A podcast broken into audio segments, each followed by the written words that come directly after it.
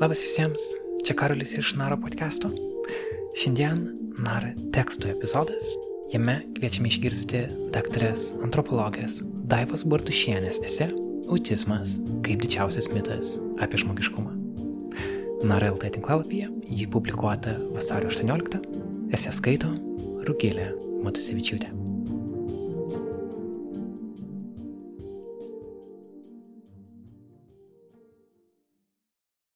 Autizmas kaip didžiausias mitas apie žmogiškumą. Kiekvienais metais trečiąjį vasario ketvirtadienį minima Tarptautinė antropologijos diena. Labiausiai ją švenčia Junktinių valstijų antropologai, o mūsųse ši diena žinoma nedaugeliui. Apskritai, Lietuvoje sutikti žmogų, kuris apie antropologiją žinotų daugiau nei stereotipinės asociacijos su kaulais, iškasenomis arba laukiniais, vis dar gana retas dalykas. Todėl artėjant antropologijos dienai, maščiau, kaip pati, būdama antropologe, galėčiau prasmingai paminėti šią dieną ir kartu prisidėti prie šios neįtikėtinai įdomios disciplinos populiarinimo mūsų šalyje. Kadangi šioje pandeminėje kasdienybėje daugelio mūsų dienotvarkės tiesiog pertvinkusios nuo įzūmintų susitikimų ir renginių, kuriuos kažkas taikliai įvardino kaip vykstančius, bet atmintyje neišliekančius, Tebūnie tai tekstas, kuris, tikiuosi, ant sienos išliks ilgiau. Antropologija yra tapusi mano tapatybės dalimi. Ji neatsiejama nuo to, kokiu būdu matau, jaučiu ir suprantu pasaulį. Antropologija yra mano supergale, kuri padeda neperkeisti Tomaso Highlando Eriksono perkaitusioje visuomenėje, neišprotėti nuo Laurent Berlan aprašyto žiauraus optimizmo, ar netapti neurotiška mama Jen McVer iš neurotėvystėje. Kai žmonės sužino, jog esu antropologė, dažnai klausia, kas yra antropologija ir ką daro antropologai. Beveik visada į šiuos klausimus atsakau vis kitaip. Tai priklauso nuo klausinčiojo. Kartais bandau paaiškinti, kad antropologija yra mokslas, kuris holistiškai, tai yra, apimdamas žmonijos istoriją, archeologiją, ekonomiką, lingvistiką, biologiją, psichologiją ir daug kitų sričių, bando paaiškinti, kodėl šiandien esame tokie, kokie esame ir kodėl darome dalykus taip, kaip darome. Kartais, romantizuodama sakau, kad antropologas yra žmogus, kuris savo aistrą keliauti, pažinti ir bendrauti su žmonėmis paverčia darbu bei mokslu. O kartais ironizuoju, kad antropologo darbas yra pamatyti, suprasti ir aprašyti, kodėl tai, ką žmonės galvoja, kalba ir daro, dažnai yra visai tarpusavyje nesusiję dalykai. Tačiau dažniausiai atsakau labai paprastai Antropologai siekia pažinti ir suprasti žmonijos kultūrinę, biologinę, socialinę ir kitokias įvairovės ir siūlo tai, ko mums trūksta labiausiai - toleranciją, platesnį požiūrį ir sveiką dozę skepticizmo savo patiems. Tikiu, kad šiandien antropologijos ikona tapusi Ruth Benedict aiktelėtų pamačiusi, kokioje įvairovėje gyvename, palyginti su ta, kokia buvo jos laikmetyje ir už kokią ji kovojo su savo amžininkais. Kartą ji yra pasakiusi, kad antropologijos tikslas yra pasaulį padaryti saugesnė vieta bet kokiai žmonijos kultūriniai įvairoviai. Labiausiai tuomet ją glumino rasizmas, vakarietiškas etnocentrizmas, lyčių neligybė, o ypač mokslininkų, taip pat ir antropologų, įsitraukimas į mechanizmus, kuriais ir buvo konstruojama neligybė kultūriniu pagrindu. Nors kovų už teisę būti kitokiu žmonija matė, patyrė, apie tai girdėjo ir skaitė daugybę kartų, tačiau karai, kuriuos kariaujame šiandien, vis dar beveik tokie patys. Tokie patys todėl, kad žmonijos įvairovė nuolat kinta. Vos gimusi nauja karta randa ją kitokią nei rado ankstesnės. Sakysite, dabar rasizmo, seksizmo, antisemitizmo ir visų kitų izmų tikrai mažiau. Taip, atvira ir klasikinė forma jų tikrai daug mažiau, tačiau skęstame vis subtiliau užmaskuotose, nupoliruotose, akademiniuose, instituciniuose, būtiniuose ir socialinių medijų kuriamuose izmuose. O kartais viskas taip gerai užmaskuota, kad net reikia atskiro specialistų paaiškinimo kaip pavyzdžiui atpažinti psichologinį smurtą, diskriminaciją, neligybę, žmogaus teisų pažeidimus. Darome daug dalykų, kurie regis turėtų padėti mažinti socialinę atskirtį, skurdą, kitoniškumo baimę, sveikatos netoligumus. Tačiau paaiškėja, kad neretai tos priemonės sukuria tik dar daugiau problemų. Vis girdime, jog kas antras žmogus pasaulyje nuolat susiduria su psichikos sveikatos problemomis, o jaunų žmonių nerimo lygis su kiekvienu dešimtmečiu padvigubėja. Žvelgiant antropologiniu žvilgsniu, nėra jau taip sudėtinga suprasti, kodėl tai vyksta. Esu įsitikinusi, kad didžia dalimi taip yra todėl, kad žmonės savose visuomenėse ir kultūrose negali jaustis kaip namie. Kuo daugiau randasi įvairovės formų, tuo darosi sunkiau susitarti dėl bendrų dalykų. Todėl antropologui kultūrinė įvairovė romantiškai atrodyti gali nebent tik turistų ir keliautojų bukletuose. Žmonijos istorija daugybę kartų parodė, kad kultūrinė įvairovė ir kitoniškumas, kaip žmogiškosios būties forma, iš tiesų labiau kelia kančią nei laimę. Ką man daryti, jeigu esu kitoks? Vis labiau atrodo, kad saugus, laimingi ir suprasti galime jaustis vis siauresnėse žmonių grupėse, o tik išėję už jų tampame tais kitais, keistais, netinkamais. Jeigu kas paklaustų, apie ką ir su kuo iš praeities norėčiau pasikalbėti, tiksliai žinau, kad į ilgą pasimatymą norėčiau pakviesti jau minėtą Ruth Benedict. Pirmiausia, jos paklausčiau, kaip jai atrodo dabartinis mūsų gyvenimas ir ar taip ji įsivaizdavo žmonijos ateitį. Greičiausiai ji tik atsidustų ir pasakytų, taip ir turėjo būti. Mat ji jau tada puikiai nujautė sparčiai modernėjančių vakarų ir globalėjančio pasaulio rizikas. Surasti savo neurogentį. Šiame gyvenimo etape mane labiausiai jaudina neuroįvairovė. Nors ir karantininiu režimu, šiuo metu atlieku antropologinį tyrimą, kuriame didžiausią dėmesį telkiu į autistiškus vaikus auginančias šeimas. Mamas ir tėčius, kuriems, kaip jie kartais patys sako, nutiko visai kitoks vaikas, nei jie tikėjosi ir laukė, o tai pakeitė ir juos pačius. Nors autizmas mūsų plačiai visuomeniai pirmiausia yra pristatomas kaip medicininė kategorija, mane jis labiausiai domina kaip socialinis ir kultūrinis reiškinys.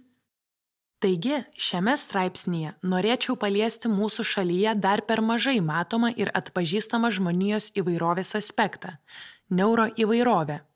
Nei Ruf Benedikt, nei kiti jos laikmečio antropologai apie tai dar nekalbėjo nes idėjos, kurios lėmė neuroįvairovės judėjimo atsiradimą, tuo metu buvo laikomos progresyviomis autoritetingų mokslinių žinojimų grįstomis medicinos tiesomis ir niekas nedrįso jų kvestionuoti. Pavyzdžiui, 20-ojo amžiaus viduryje psichikos sveikata dar buvo neatsiejama nuo biomedicininio jos aiškinimo, o bet kokie kiti aiškinimai, pavyzdžiui, psicho ar sociokultūriniai, reiškia medicinos kaip mokslo srities kvestionavimą. Nors akademinis pasaulis apie neuroįvairovę diskutuoja jau beveik 30 metų, tik atsiradus socialinėms medijoms ši savoka pagaliau išėjo už akademinių sienų ir persikėlė į viešas diskusijas. Šiandien tai yra įrodymas, kad mokslininkų idėjos pasiekia žmonės ir jie jas įtraukia į savo kasdienio gyvenimo projektavimą. Pereidama prie neuroįvairovės, noriu akcentuoti, kad autizmas ir autistiškumas man yra du skirtingi dalykai.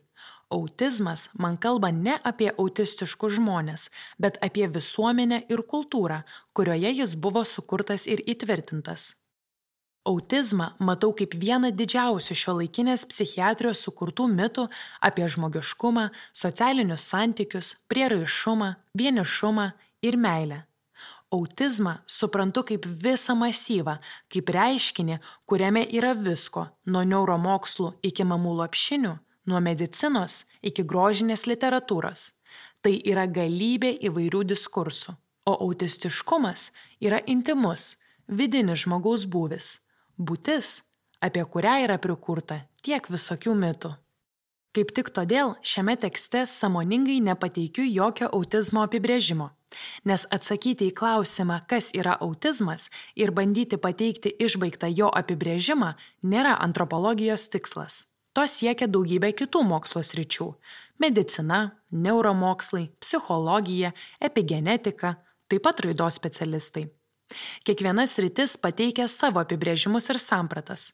Tačiau antropologija autizmą mato kaip jų visumą, kaip biopsichosociokultūrinį reiškinį, o autistiškus žmonės kaip atskirą kultūrą. Tai yra žmonių grupė, kurios narius sieja bendrai išgyventos patirtis, saviti elgesio, komunikacijos, tapatybės konstravimo modeliai. Antropologai, suteikdami balsą patiems žmonėms, siekia kiek įmanoma iš vidaus atskleisti, kaip visų tų skirtingų sričių diskursai veikia autistiškų žmonių kasdienybę, santykius su kitais ir net pačiu savimi. Pirminė neuroįvairovės idėja buvo ta, kad žmonės, kuriems buvo nustatytos medicininės neurodiagnozės, tokios kaip autizmas, Aspergerio sindromas ar hiperaktyvumas, neturėtų būti taisomi gydomi ir pritaikomi prie neurotipiškos įprastos raidos visuomenės klinikinių socialinių bei kultūrinių standartų. O pastangos į begalinį terapijų srautą įvilkti ir jau nuo vaikystės perdarinėti vaikus turėtų būti iš naujo apmąstomos Jokie neurosindromai, deficitai, sutrikimai nėra pakankamas sąlygas skirstyti žmonės į sveikus ir lygotus, nes dažniausiai žmogaus galės, negalės ir supergalės lemia visuomenė ir jos struktūra, o ne biologinė žmogaus prigimtis. Paprastai tariant, negale pirmiausia yra aplinkybių, o ne žmogaus savybių klausimas. Pavyzdžiui, jeigu vaiko sensorika yra jautresnė ir jis negali savęs kontroliuoti esant triukšmui, kodėl mes tai matome tik kaip medicininę problemą ir patologizuojame vaiko elgseną, o nesprendžiame triukšmingos aplinkos klausimą? Ši idėja žaibiškai pasklido su neurologinėmis negaliomis susijusiuose diskursuose kurį laiką ji ne tik sėkmingai plėtojosi ir apėmė vis daugiau medikalizuotų neurotapatybių, tokių kaip disleksija, diskalkulija, depresija, bipolinis asmenybės sutrikimas, bet ir ėmė radikalėti. Praėjus pirminiai euforijai išryškėjo visas spektras įvairiausių su šia progresyve idėja susijusių prieštaravimų. Tačiau apie juos šiek tiek vėliau, Nors bandymų sukritikuoti biomedicininį požiūrį į autistiškumą buvo ir anksčiau, vis tik neuroįvairovės idėja siejama su 1998 metais ją paskelbusią Australijos sociologę Judy Singer. Sujungdama išlavintą sociologinę vaizduotę ir motinystės patirtį auginant Aspergerį, Singer sukritikavo iki tol dominavusi biomedicininį požiūrį Ji į autistiškumą pasiūlė žiūrėti ne kaip į autistiškų žmonių socializacijos, komunikacijos, mokymosi, emocijų bei elgsenų patologizavimą, bet kaip į neurologinį skirtingumą. Vietoj biomedicininio modelio ji pasiūlė vadinamąjį socialinį negalios konstravimo modelį, kuris reiškia, kad vien todėl, jog visuomenė yra pritaikyta tik vienai žmonijos neuroįvairovės grupiai, tai yra įprastos raidos žmonėms, visų kitų žmonių neuroskirtingumai ir kitoniškumai neturėtų būti matomi tik kaip klinikinės diagnozės. Kitaip tariant, diskusija pirmiausia turėtų būti ne apie asmenį visuomenėje ribojantį autistiškumą, o apie visuomenę, kuri yra nepalanki ir nepritaikyta autistiškų žmonių buvimui joje. Dar 1967 metais Mišelis Fuko pateikė antipsichiatrinę perspektyvą ir sukritikavo šiuolaikinę psichiatriją, kurios jau vien pavadinimo etimologinė reikšmė buvo sielos gydimas, tačiau kuri buvo įteisinta kaip priemonė ir gale gaminti bei kontroliuoti bioįvairovę. Klaikiausias to pavyzdys - nacistinė Europa, o ypač Austrija. Jo sostinėje Vienoje garsiojo psichoanalizės tėvo Freudo idėjų kontekste gimė ir Hanso Aspergerio autistiška psichopatija. Nacių režimui pavaldi psichiatrija tarnavo kaip žmonijos biovairovės rušiavimo mašina. Pagrindinė vaikų psichiatrų užduotis buvo suskirstyti juos pagal tai, ar jie turi potencialo būti išugdyti kaip tinkami nacistinės visuomenės piliečiai, ar ne.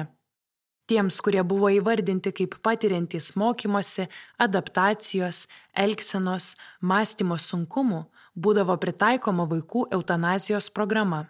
Toks gydomasis ugdymas, kurį aprašė Edith Schaeffer, intensyviai vyko taip vadinamosiose svastikos klinikose, o nacistinis režimas padėjo tvirtus pagrindus nevaržomai valstybės intervencijai į privatų šeimos gyvenimą.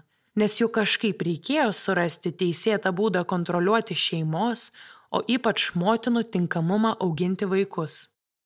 Šiandien eutanazija turi visai kitą prasme, tačiau jei panalizuotumėte dabartinius psichikos lygų klasifikatorius, labai greitai paaiškėtų, kad beveik kiekvieną vaiko raidos ar mokymosi ypatumą, asmenybės charakterio savybę, elgseną, emociją, bendravimo manierą būtų galima pakišti po kokiu nors sutrikimu, sindromu, deficitu, lyga mokymosi sunkumai, socializacijos ir adaptacijos sunkumai, bendravimo sunkumai, emocijos, apskritai viskas, kaip mes mąstome, kaip bendraujame, kaip atrodome, kaip jaučiamės, turi mediciniškai pagrįstą paaiškinimą. Visą tai savo knygoje The Power of Neurodiversity – Unleashing the Advantages of Your Differently Wired Brain 2010 metais aprašė Tomas Armstrongas. Knygos pradžioje Armstrongas, šiek tiek ironizuodamas, pateikia šio laikinėje visuomenėje egzistuojantį scenarijų, iš kurio galime suprasti, kaip mūsų kultūroje neuroįvairovė tampa diagnozėmis ir patologijomis. Knygos autorius šio laikinę vakarų visuomenę siūlo įsivaizduoti kaip gėlių bendryje, o tos bendrijos psichiatrą pavadina ne visai atsitiktinę gėlę - rožę. Dabar įsivaizduokite, kad į psichiatro rožės kabinetą įeina milžiniška saulėgraža. Psichiatras rožė išsitraukia savo paties sukurtus diagnostinius įrankius ir nepraėjus pusvalandžiui jau turi diagnozę. Jūs kenčiate nuo hugizmo. Tai išgydoma, jeigu pradėsite gydytis pakankamai anksti. Tačiau aš daugiau nieko negaliu jums padėti. Saulėgraža, nunarinusi savo įspūdingo grožio galvą, palieka kabinetą. Vėliau ateina kitos gėlės ir situacija kartojasi. Taip Lelyje sužino apie žiedlapių deficito sutrikimą, kurį galima kažkiek kontroliuoti, tačiau išgydyti ne, o žibutė išgirsta turinti augimo sutrikimą, kuris, kaip manoma, yra genetinis, bet dėl to visai nereikia jaudintis, nes pritaikius tinkamą gydimą, pavyzdžiui, pakeitus dirbą, bus galima gyventi produktyvų ir sėkmingą gyvenimą. Po šio vizito žibutė iš kabineto išeina jausdamasi dar menkesnė, negu prieš tai mane esanti. Rezumuodamas gėlių istoriją, Armstrongas sako, kad ši metafora puikiai atskleidžia, kaip mūsų kultūroje elgiamasi su neuroįvairove. Užuot šventę natūralią žmonijos bioįvairovę, mes jai suteikėme medicininę tapatybę - autizmą, Aspergerio sindromą, hiperaktyvumą, disleksiją, reto sindromą, bipolinį ar obsesinį sutrikimą ir taip toliau. Galiausiai, kad taptų visai aišku, knygos autorius pasiūlo tą patį padaryti su kultūriniais skirtumais ir prašo įsivaizduoti, kad, pavyzdžiui, Olandai turi odos pigmentacijos sutrikimą, nes kažkieno požiūriu jų oda yra per balta. Šiandien tai vadiname rasizmu. O kokį terminą pavartotume kalbėdami ne apie odos, bet apie smegenų skirtumus? Tai eiblizmas. Paprastai tariant, tai įprastos raidos neurotipiškų žmonių lyginimas su turinčiais negalę. Savoka eiblizmas vartojama labai įvairiuose kontekstuose, tačiau pirmiausia, tai yra absoliučiai egocentriškas sveikumo aukštinimas neatsižvelgiant į aplinkybės. Pavyzdžiui, eiblizmas yra tada, kai autistišką asmenį bandote kaltinti dėl jo jautrumo, nerimo, akių kontakto nebuvimo, nesusitvardymo, neteisingai suprasto konteksto, humoro jausmo neturėjimo, jūsų interesų nepaisimo ir nesidomėjimo jūsų asmeninio gyvenimo detalėmis ar kažko kito. Bet mes ne tik šiuo atveju, o tiesiog apskritai niekada neturėtume kaltinamai stebėtis tuo, ko patys negalime suprasti pavyzdžiui, autistišką empatiją. Apie tai daug kalba sociologas Damianas Miltonas. Pasigilinęs į jo dvigubos empatijos teoriją, greitai supranti, kad kiekvienas iš mūsų labai dažnai tampame neempatiški, kai tik susidurėme su žmonėmis, kurie turi skirtingas patirtis ir požiūrius į tam tikrus dalykus. Pavyzdžiui, Ar manote, kad esate empatiškas, siūlydamas besilaukiančiai moteriai tik simboliškai taurę vyno? Arba žmogui, kuris bando atsisakyti rūkimo, tik vieną prie progos dumelį? Todėl tikiu, kad jei Ruf Benedikt sužinotų apie Miltono dvigubos empatijos teoriją, labai pritartų tam, kad visa tai, ką jau esame išmokę apie rasinę ir visas kitas įvairovės, galėtume nesunkiai pritaikyti ir neuroįvairoviai, skirtingai veikiančioms žmonių smegenims. Lygiai taip pat, kaip jau išmokome gyventi žinodami, kad nebėra vienos teisingos lyties, galėtume pradėti mąstyti apie tai, kad nėra ir teisingai veikiančių smegenų ir tokio dalyko kaip teisingas protas. Yra ženklų, kad šiuo keliu mes ir einame. Kaip kažkada buvo išteisinta melancholija, homoseksualumas ir daug įvairių kitų neurobūsenų, taip ir autistiškumas, tikėtina, bus iš esmės permastytas. Antropologas Benas Belekas yra sakęs, kad gamtoje pikdžiolių nėra, jie sukuria žmonės. Gamtoje kiekvienas augalas turi jam skirtą vietą ir misiją, kurios svarbumo mes, žmonės, iki galo galbūt niekada ir nesužinosime ir pasmerksime juos kaip kenkėjiškus, invazinius ar piktybiškus. Lygiai taip pat yra su žmonėmis. Iš pradžių mes sukūrėme standartus, nors a priori aišku, kad jie netiks visiems, o tuos, kurie negali jų atitikti, sumenkiname kaip kažko negalinčius. Tačiau greitai paaiškėja, kad toks žmonių kategorizavimas sukuria tik dar daugiau problemų - stigmą, atskirtį, psichologinės problemas, išaugina savižudybių skaičių, tapatybių krizės, žmogaus teisų pažeidimus, lobistinių paslaugų rinką. Tuomet imamės ieškoti būdų, kaip vėl normalizuoti tuos, kuriuos ką tik susijęjome su įvairiais sindromais, deficitais, sutrikimais ir negaliomis.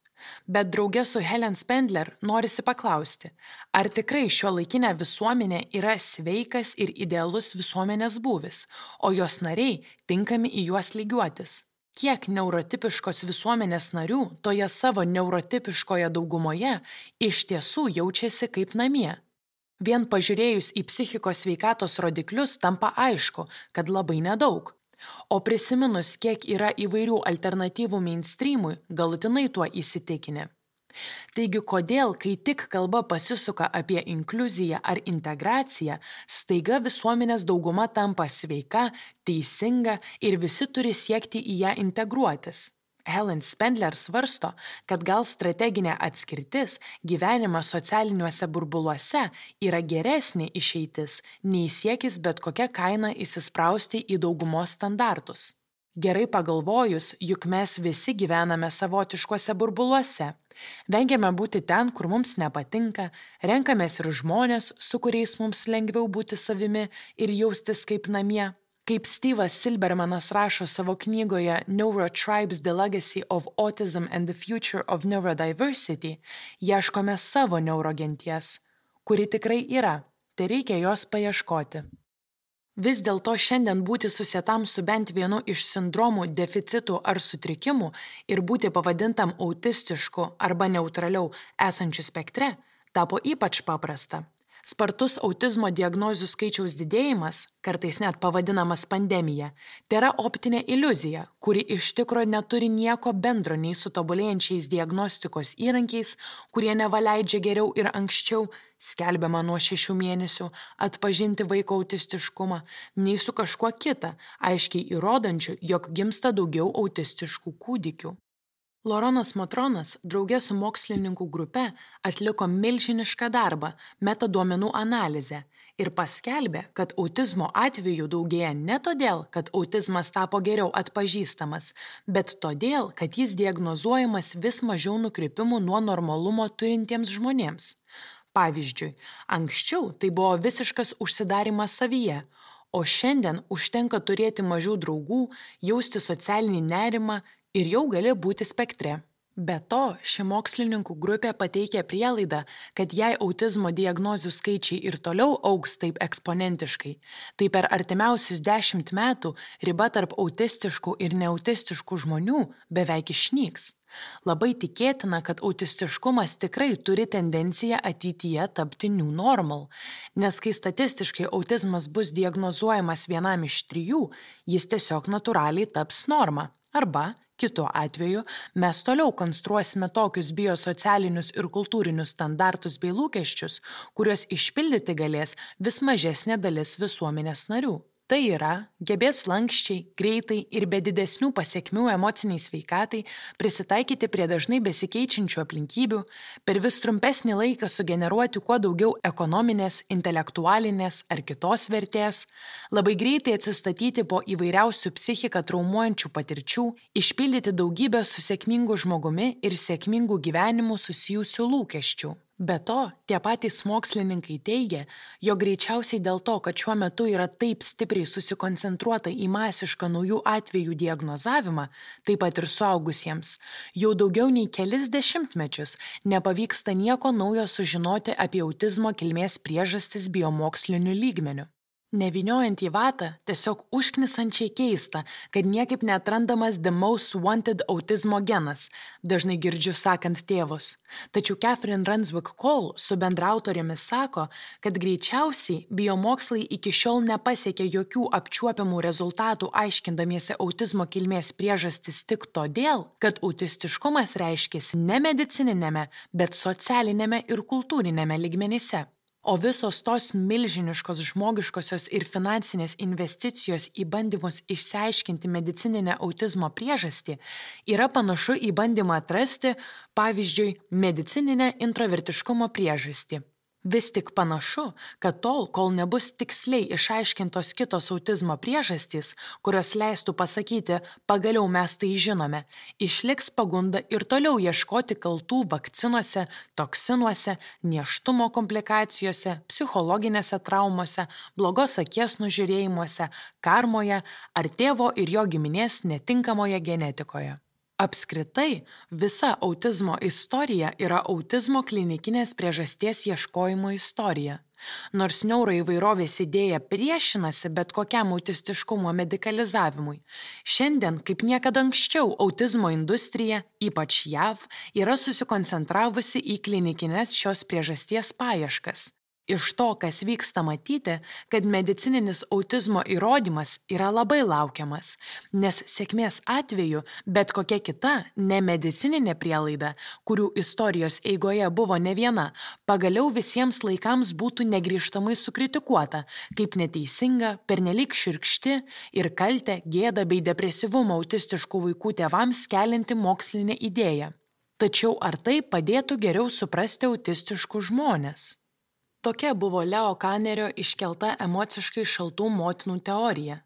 Šios teorijos šleifą bent kartą gyvenime yra pakėlęs ne vienas suaugęs autistas. Kaip jie patys rašo savo socialinių tinklų dienoraščiuose, tai daro norėdami įsitikinti, kad jų autistiškumas nėra jų motinų narciziškumo, emocinio šaltumo, nepatirto prieraišumo kūdikystėje ar kitų su netinkama tėvystė siejimų traumų pasiekmi. Tai skaudina visus ir būtent šiame kontekste dažnai nuskamba, kad medicininis autizmo įrodymas yra laukiamas kaip išlaisvinimas iš praeities šleifo. Suaugusiųjų autistiškų žmonių ieškojimus nėra sunku suprasti, nes šio laikinė tėvystės samprata, kurią pateikia psichologai, neurologai, raidos specialistai ir pediatrai, nuolat pabrėžia, koks gyvybiškai svarbus vaiko raidai yra prieraišumas, akių kontaktas, kiek kartų per dieną vaikas turėtų būti paliestas, apkabintas ir pamiluotas. Pakanka paskaityti introvertiškų motinų dienoraščius ir tampa aišku, kad ne kiekvienai yra lengva išpildyti šias vaikų raidos ekspertų rekomendacijas ir nuo ryto iki vakaro su vaiku bendrauti taip, kad nepakenktų jo kognityviniai, emociniai ir kitokiai raidai. Iš dalies ir dėl to neuroįvairovės judėjimas autistiškus vaikus auginančius tėvus įkvėpė ginti autizmą ir tapti tikraisiais jo ekspertais. Todėl šiandien turime galybę knygų ir mokslinių straipsnių, kuriuos parašė mamos ir tėčiai, auginantis autistiškus vaikus. Šiandien jų patirties įgytos auginant kitokį vaiką niekas taip brutaliai nebevelka į tramdomuosius subjektivumo, iracionalumo ir mokslinio nepagristumo marškinius, kaip tai buvo daroma Leo Kanerio, Hanso Aspergerio, Bruno Bettelheimo ir daugelio kitų klėstėjimo laikais. Tik 21 amžiuje, draugė su neuroįvairovės judėjimu, buvo pradėti kelti klausimai apie tai, ką baltasis vyras iš viduriniosios klasės, nacistinio režimo globojamas psichiatras, tais laikais galėjo pasakyti apie vaikus, kai vaikai apskritai dar buvo laikomi pusiau žmonėmis su nepilnai veikiančiomis smegenimis, o jų motinos traktuotos kaip per daug isteriškos. Kita neuroįvairovės pusė. Kadangi antropologija yra mokslas, kuris siekia holistinio požiūrio, būtina bent užsiminti apie tai, už ką neuroįvairovės idėja yra kritikuojama. Pirmiausia, neuroįvairovės judėjimas buvo siejamas su gana sėkmingai visuomenėje funkcionuojančiais autistiškais žmonėmis, vadinamaisiais high functioning, kuriems reikalinga tik labai nedidelė pagalba iš aplinkos.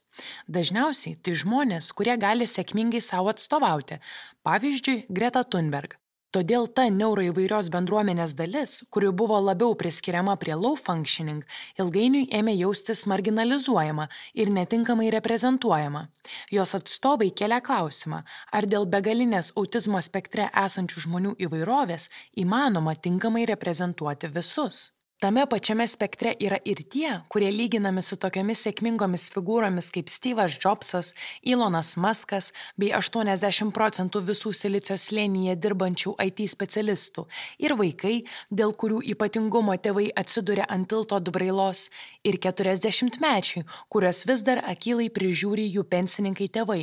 Todėl kritikai tiesiog klausia, ar įmanoma tinkamai reprezentuoti visą spektrą. Su tuo iš dalies yra susijęs ir kitas neuroįvairovės judėjimo paradoksas, kuris slypia neurotapatybės konstravime. Pradedama klausti, kas galėtų paaiškinti, ką reiškia autistiškų vaikų tapatinimas su ypatingais vaikais. Pagal kokius kriterijus atsiranda ypatingi vaikai. Ką apskritai mūsų visuomenėje reiškia būti ypatingu. Ir kokie tada yra visi likę vaikai. Bendraudama su autistiškų vaikų tėvais dažnai girdžiu, kad konstruktai ypatingi vaikai, autizmas Dievo dovana jiems yra ne visai priimtini ir skamba lik nevykęs bandymas save paguosti. O patys atviriausi netgi išdrįsta pasakyti, mes apskritai nenorim tokio ypatingumo, norim paprasto vaiko ir paprasto gyvenimo. Greičiausiai visos šios metaforos gimsta iš didelio siekio išsilaisvinti iš neteisingų autizmo įvaizdžių ir konstruoti kuo teisingesnius spektre esančių žmonių įvaizdžius. Paprastai tai siekiama daryti atmetant bet kokį autistiškumo patologizavimą. Tačiau kaip suderinti sieki autistiškus žmonės matyti kaip dalį platesnės žmonijos bioįvairovės, kaip ją reprezentuojant atmesti bet kokius su medicina siejamus aspektus ir kartu pagristai tikėtis išskirtinio medicinos ekspertų, valstybės ir visuomenės dėmesio. Greičiausiai jokia valstybinė institucija nematys poreikio skirti papildomų lėšų pedagogų padėjėjams, jeigu jų poreikis nebus pagrystas diagnozėmis ir specialiaisiais poreikiais. Negalios įvardyjimas yra neatsiejamas nuo pagalbos. Todėl autizmo advokatai, paprastai viešąją erdvę akilai saugantis nuo bet kokio neigiamo naratyvo apie autizmą, norėdami atkreipti valstybės dėmesį ir pavyzdžiui gauti teisėtas paslaugas, pirmiausia save turi reprezentuoti kaip to vertą, tai yra kenčiančią visuomenės atstumtą, stigmatizuotą, viktimizuotą ir traumuotą bendruomenę. Paprastai tariant, jeigu vaikui, kuris susiduria su mokymuose ar bendravimo sunkumais reikalinga pagalba, mūsų visuomenėje ji galima tik gavus psichiatro pažymą, patvirtinančią vaiko defektus ir išryškinančią specialiuosius jo poreikius. Kitaip tariant, gyvename visuomenėje, kurioje tam, kad įvyktų žmogiškumas, reikia psichiatro pažymos. Bet gal verta bent pasvarstyti, ar tikrai neįmanoma padėti mokymosi ar bendravimo sunkumų patiriančiam vaikui, nediagnozavus jam sutrikimo. Dėl viso to šiandien daugelio autizmo advokatų kova už žmogaus teisės yra pavirtusi į kovą dėl konkrečių paslaugų, bet paslaugos nėra žmogaus teisų objektas. Šiuo atveju tai teisė būti priimtam, suprastam ir įtrauktam, o tam pirmiausia reikia žmogiškumo. Paslaugų poreikis tik parodo, kad kaip tik jo labiausiai ir trūksta. Bet taip pat yra dar vienas aspektas, kuris tam tikra prasme prieštarauja esminiai neuroįvairovės idėjai - kuo mažiau medicalizuoti autistiškumą ir kitus neurologinius skirtingumus. Šiandien viešajame autizmo diskurse vis dažniau tenka išgirsti aktyvius autizmo bendruomenės raginimus suaugusiuosius arba vaikų tėvus aktyviai siekti autizmo diagnozės, kuri pateikiama kaip išsilaisvinimas iš visą gyvenimą lydėjusių psichologinių traumų, bjaurių jausmų ir toksiškų santykių. Šiame kontekste diagnozė suprantama kaip aiškus asmens tapatybės patvirtinimas ir kitoniškumo išteisinimas. Tačiau autizmo diagnozė yra medicininė kategorija, todėl kyla klausimas, kaip tuo pačiu metu siekti klinikinės tapatybės ir atsiriboti nuo biomedicininio konteksto. Diskutuoti tikrai turime apie ką. Tačiau baigdama noriu pasakyti, kad neuroįvairovės idėja ir autizmo antropologija yra kaip dvi tos pačios monetos pusės. Abiejų esminis tikslas yra leisti kalbėti tiems, kuriuos norime geriau suprasti ir pažinti. Šiuo atveju leisti spektre esantiems žmonėms patiems kurti ir pasakoti savo istoriją. O mums ir antropologams, ir ne, belieka klausytis ir tikėtis, kad sugebėsime jas teisingai išgirsti.